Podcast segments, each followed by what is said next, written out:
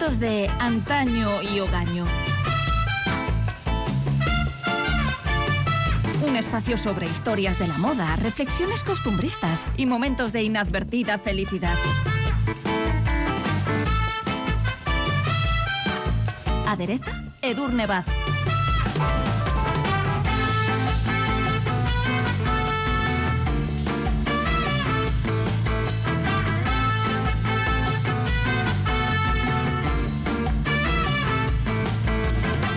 El anterior episodio de nuestros asuntos de antaño y hogaño repasamos la historia de algunos de los vestidos que, por las más diversas razones, han pasado a la posteridad. Edurne Vaz, ¿qué tal? Hola. Hola, muy bien. Y ya avanzamos que habría un volumen 2 y atención porque avisamos de que habrá un tercero. Sí, es necesario. Pero antes vamos a recordar algunos de los vestidos de los que hablamos en nuestro anterior episodio, como por ejemplo el de la reina Victoria de Inglaterra. Recuérdanos. Sí, porque ya decíamos que fue ella la que popularizó el uso del vestido blanco entre las novias después de elegir un modelo en color crema para su enlace con el príncipe Alberto en 1840. También de cómo fue la reina Victoria la que popularizó el uso del negro como símbolo del luto después de dejarse ver vestida única y exclusivamente de ese color durante las cuatro décadas que sobrevivió a su marido. Recordábamos también el, por otro lado, inolvidable vestido de novia Sí. que lució Lady Di, tan pomposo. Sí, sí, sí, cómo olvidarlo. Pero nos adentrábamos también en la intrahistoria de otro de sus más legendarios, pero no tan conocidos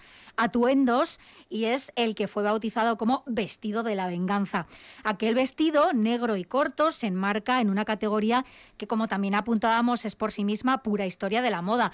El Little Black Dress, que es un clásico imperecedero de imbatible y atemporal elegancia que popularizó la rompedora y siempre pionera Coco Chanel. Y por seguir recordando algunas de las cuestiones que mm, contamos en nuestro primer volumen, poníamos a punto em, y poníamos punto y aparte al capítulo recordando ese Little Black Dress por excelencia. Sí, el diseño de Givenchy que lucía el personaje interpretado por Audrey Hepburn en la primera secuencia de la película Desayuno con Diamantes de 1961.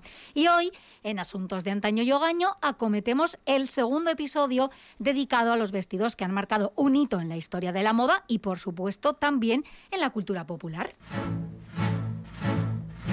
French are glad to die for love. They delight in fighting duels. But I prefer a man who lives and gives expensive jewels. A kiss on the hand may be quite continental, but diamonds are a girl's best friend.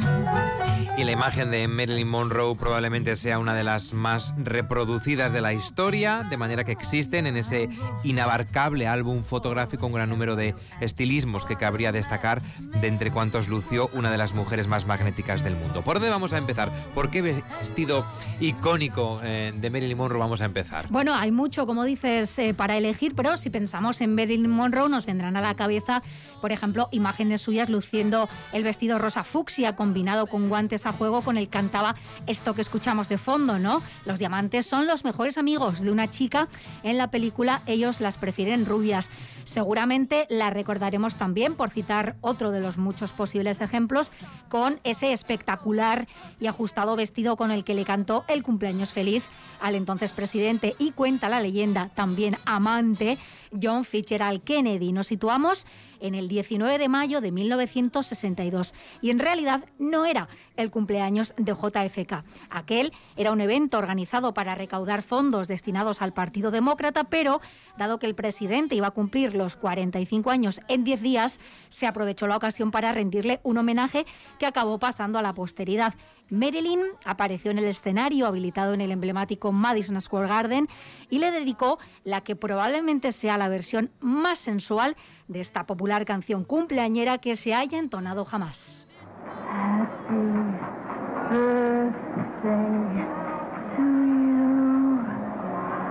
Happy birthday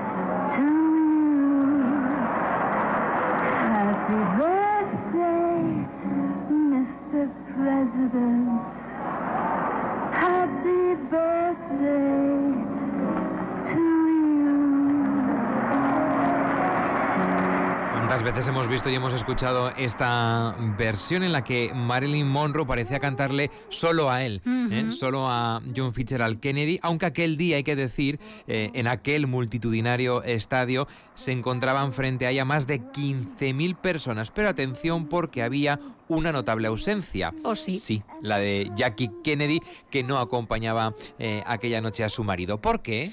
Bueno, se dice que ella ya había sido oportunamente advertida de lo que estaba previsto que ocurriera en esa gala y dados los rumores sobre la relación extramatrimonial que su marido mantenía, entre otras con Marilyn Monroe, pues no quiso ella tener que ensayar su cara de póker para la ocasión. Y Marilyn lucía aquel día un vestido firmado por Jean-Louis, uno de los más emblemáticos y diseñadores de vestuario de Hollywood. Fue el creador, sin ir más lejos, de otro vestido icónico del cine, aquel vestido negro que Rita Hayward lució en Hilda, entre otros muchos. El vestido que Marilyn le encargó para aquella cita, que era muy especial para ella, estaba elaborado en un tejido de un color muy similar al de su piel y todo cubierto de fina y brillante pedrería, de manera que se lograba un efecto absolutamente impactante porque con los potentes focos que iluminaban a la actriz desde la espalda, parecía que no llevaba nada y además, pues bueno, se veía ese cuerpo de sinuosas curvas a la perfección, ¿no? Parecía una diosa que había aparecido ahí marianamente y quedaba envuelta en un destello casi místico, ¿no? Fijaos si era ceñido aquel vestido que después de puesto todavía se le hicieron unos ajustes finales para que fuera ya milimétricamente hecho a su medida. Marilyn entró, claro, con ese vestido, pues dando rápidos y cortitos pasos, ¿no? Imagino que no era capaz la pobre mujer ni de sentarse, pero a quienes la vieron aquel día también, desde luego, les faltó el aliento como a ella, que supongo que, bueno, ella pretendía precisamente conseguir ese efecto o era lo que creía que el mundo, como siempre, esperaba de ella, ¿no? Murió apenas tres meses después de aquella noche, con solo 36 años. Ese vestido en cuestión fue subastado en 2016 por 4.800 millones de dólares, pero si hay... 4.800 millones de ya, dólares. Es que hay que pensarlo un poco para interiorizar la cifra, ¿eh? pero, pero sí, un dineral. Y hay incluso una prenda icónica también de Marilyn Monroe y grabada a fuego en la memoria colectiva, que es, por supuesto, el vestido blanco que lució en la película La tentación vive arriba.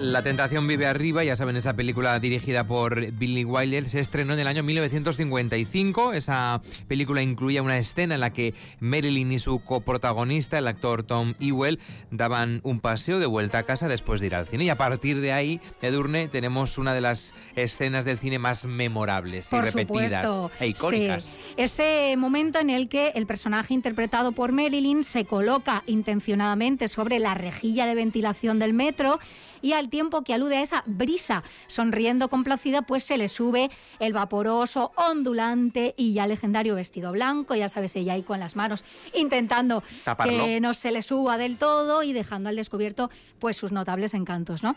El director de la película, Billy Wilder, cometió el error de convocar a la prensa para el rodaje de esa escena que se iba a hacer en la calle y claro, ese rodaje pues desató un verdadero caos en Nueva York hasta el punto de que Wilder se vio obligado a reprogramar la grabación y volverlo a hacer todo en un estudio ya lejos de las miradas de los curiosos. Y es que millar y medio de personas se agolparon enfervorecidas aquel día en las inmediaciones de la calle 51 con Lexington Avenue al grito de Marilyn, enséñanos más, cada vez que se accionaba el ventilador que le habían puesto a ella a los pies y fueron unas cuantas porque hubo varias escenas que se repitieron y entonces su por aquel entonces marido, que estaba allí presente por supuesto, el inseguro, celoso y controlador Joe DiMaggio, que la quiso muchísimo, pero obviamente no supo quererla bien, pues enfureció ante aquel panorama. Y por si no le gustaba a este hombre la taza, pues le dieron taza y media, porque el estreno de la película se promocionó en Times Square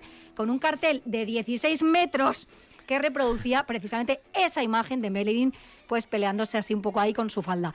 Y bueno, esto hay que decir, fue sustituido ese cartel también después por otro más recatado, no por petición de Di Maio, aunque seguro que lo aplaudió, sino porque hubo bastantes quejas de gente, pues oye, ofendidita, ¿sabes? Bueno, aquel vestido em, sugerente que tenemos todos en la, en la mente, ¿no? Cuando pensamos en esa película y que ha sido reproducido hasta la saciedad, no solo se convirtió en un hito de la historia del cine y de la cultura popular, sino que quedó siempre, ¿no? Eh, vinculado a la actriz. Si pensamos en Marilyn Monroe y en un vestido, pensamos en ese, en el blanco, esa escena. Indudablemente. Y además, si vamos a una tienda de disfraces, por ejemplo, y pedimos un disfraz de Marilyn, pues es más que probable que nos saquen una réplica más o menos cutre, dependiendo del establecimiento, de ese vestido blanco, ¿no? Que no es para el carnaval vitoriano, eso hay que decirlo. Nos haría falta una estola por lo menos, pero ahí está. ¿Y de quién es eh, ese vestido? ¿Quién está detrás de ese ya icónico vestido? Bueno, eh, fue una creación del diseñador de vestuario William Travilla, conocido en el sector simplemente como Travilla. Estaba inspirado en las túnicas griegas y era un vestido de cóctel en color marfil claro, con una falda plisada de vuelo, un ceñido corpiño que se ataba al cuello en lo que se conoce como escote halter y un fino cinturón cruzado alrededor del torso y atado con una lazada en la espalda. A pesar de que su diseño más famoso, circula una leyenda que afirma que Travilla no creó ese vestido, sino que lo compró y si acaso lo retocó, aunque como imaginaréis, él siempre negó esto rotundamente, ¿no? Sea como fuere, es cierto que vistió a Marilyn en casi una decena de películas, pero aquel diseño blanco se convirtió en uno de los vestidos más famosos de la historia, tras formar parte de la colección privada de la actriz Debbie Reynolds, fan declarada de Monroe, que se lo compró en su día, pues fue subastado en 2011, convirtiéndose también en el más caro de la historia. Antes nos sorprendíamos con la cifra del anterior vestido, pero es que este alcanzó casi los 5 millones de euros.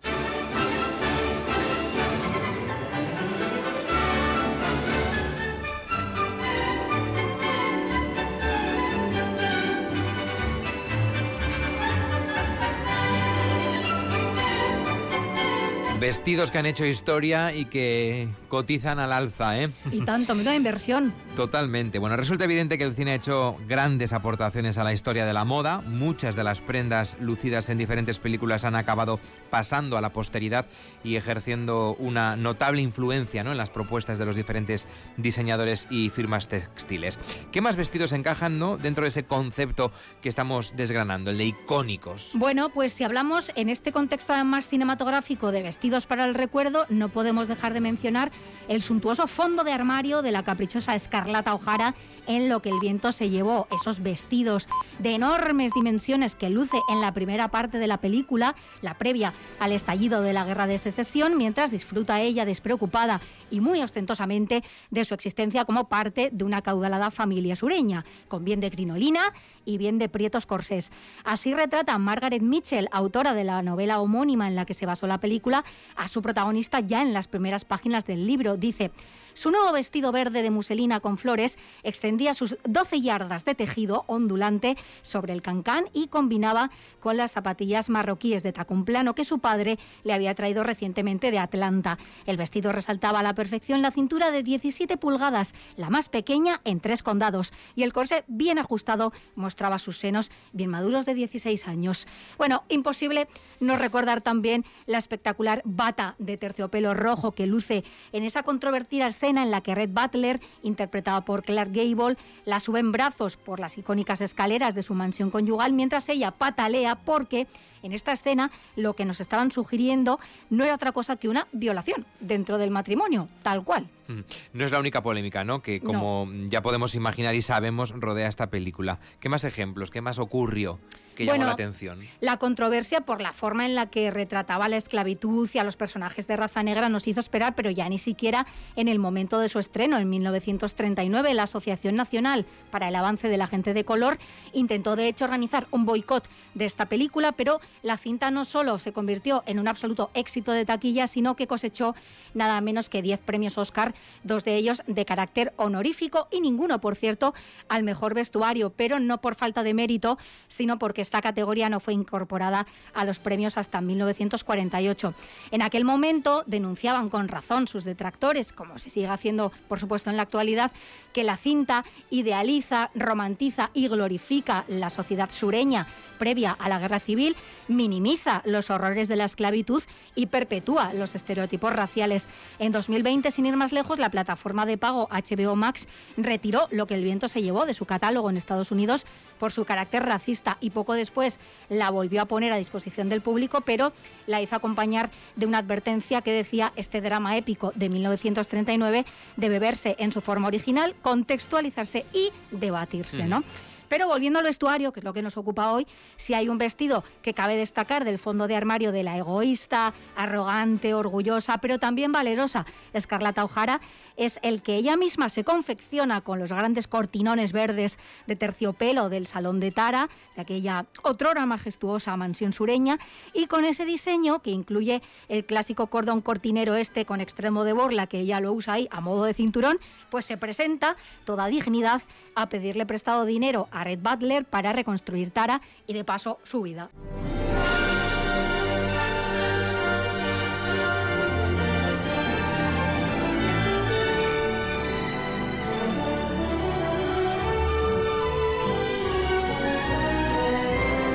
Evidentemente no se confecciona ella ese vestido, ¿no? El verdadero creador de esa memorable pieza que Escarlata O'Hara se confecciona en la película con asombrosa habilidad fue el diseñador Walter Plunkett, que asumió la titánica tarea de dar forma a un total de 5.500 piezas de vestuario diferentes. Claro, es que es un peliculón de cuatro horas con muchísimo vestuario, ¿no? Y, y ese vestuario, además. Bueno, él tres décadas después dijo, no creo que fuera mi mejor trabajo, ni siquiera el más grande, pero esta película, por supuesto, permanecerá para siempre. El vestido verde, que marca un hito en la propia narración, probablemente sea el vestido más famoso de la historia del cine. Así que estoy contento de haberlo hecho. Hombre, el vestido más famoso de la historia del cine ya vemos que es un honor muy disputado, ¿no? Pero se cuenta sin ninguna duda entre los más famosos.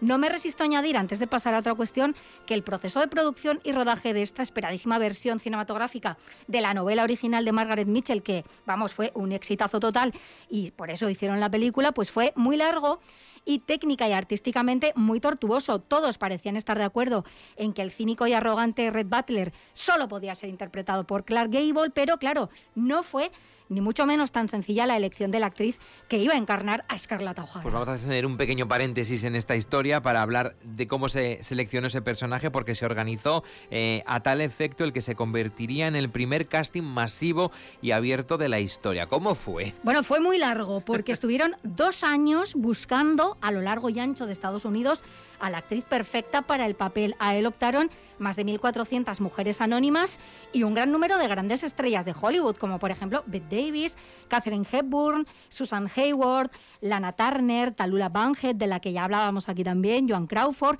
o Barbara Stanwyck, entre otras muchas. Pero finalmente ese anhelado honor recayó en una actriz que todavía era desconocida en Estados Unidos porque era además británica y no era otra que Vivian Leigh. Y como suele ocurrir en estos casos, pues hoy nos resulta imposible imaginar a Escarlata con otro rostro.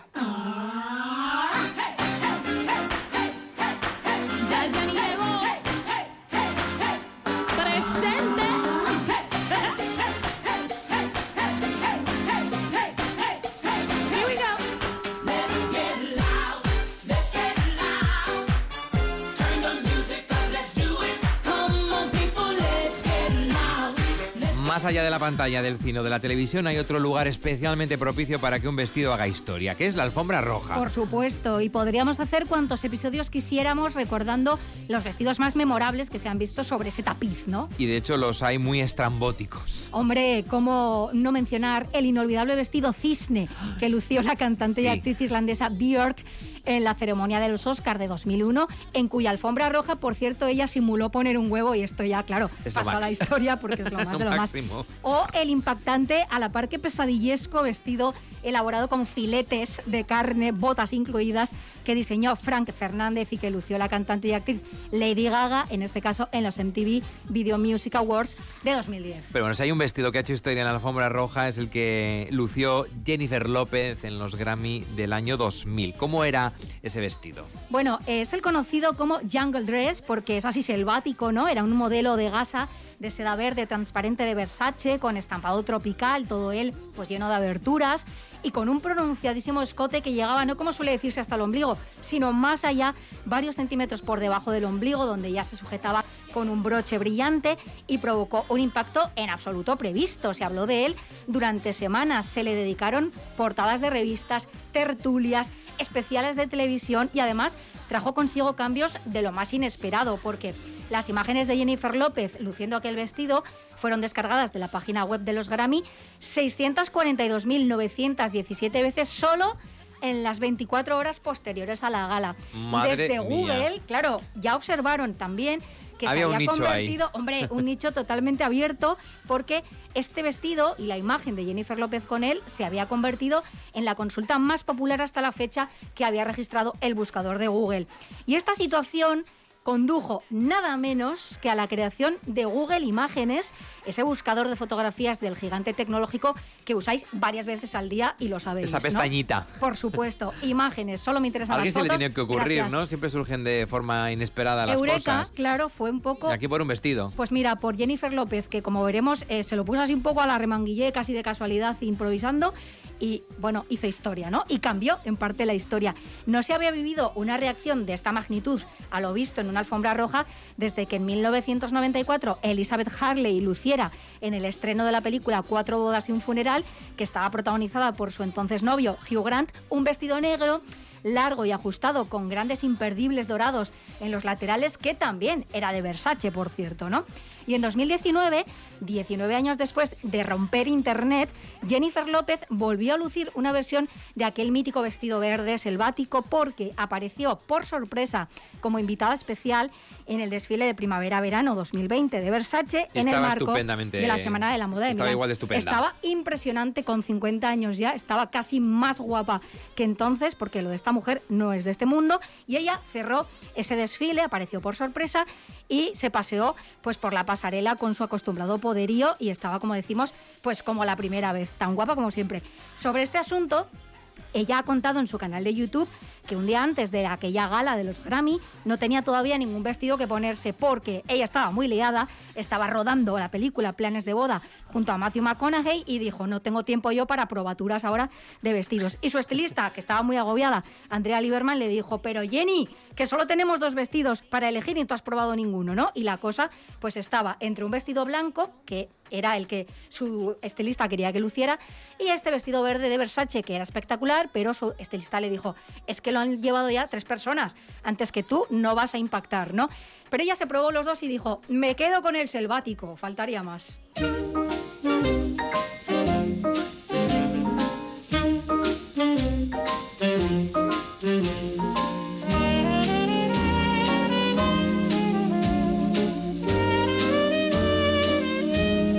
Avanzamos eh, en nuestro anterior episodio que nuestra intención era poner punto y final con este segundo em, capítulo al especial dedicado a los vestidos más icónicos de la historia de la moda, pero ha sido imposible y Claro. por eso va a haber un tercero. Pues mira, sí, porque uno se lía aquí con el anecdotario y esto es un no parar y quedan todavía prendas que es necesario mencionar e intrahistorias en las que es necesario que buceemos, ¿no? Como por ejemplo el icónico y además absoluto básico en cualquier fondo de armario, vestido cruzado de Diane von Furstenberg, que tenemos que hablar del vestido y de ella que da para serie la vida de esta mujer también, ¿no?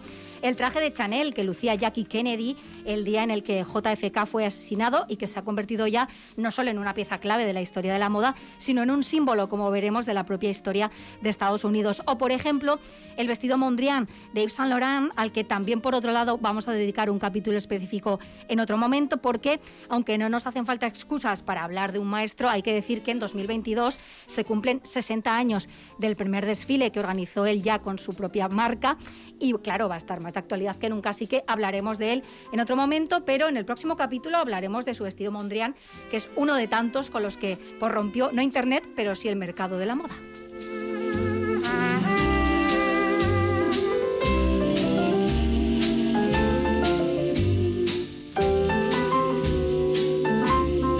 Asuntos de antaño y hogaño hemos profundizado en este segundo volumen de los vestidos eh, que han hecho historia, de esos vestidos icónicos. Hemos hablado de Marilyn Monroe, con el que vistió cuando cantó el Happy Birthday, el feliz cumpleaños a John Fitzgerald Kennedy, o ese blanco que todos tenemos en mente eh, de la tentación vive arriba. Hemos hablado también de Rita Hayworth y ese vestido negro en Hilda, eh, de Jennifer López, Claro. que supuso un antes y un después en Google Imágenes, o de Escarlata O'Hara. Habrá un tercer volumen Sí. Y lo tendremos aquí en Asuntos de Antaño y Hogaño con Edurne. Es que ricasco. Eso regatic. Agur. Agur.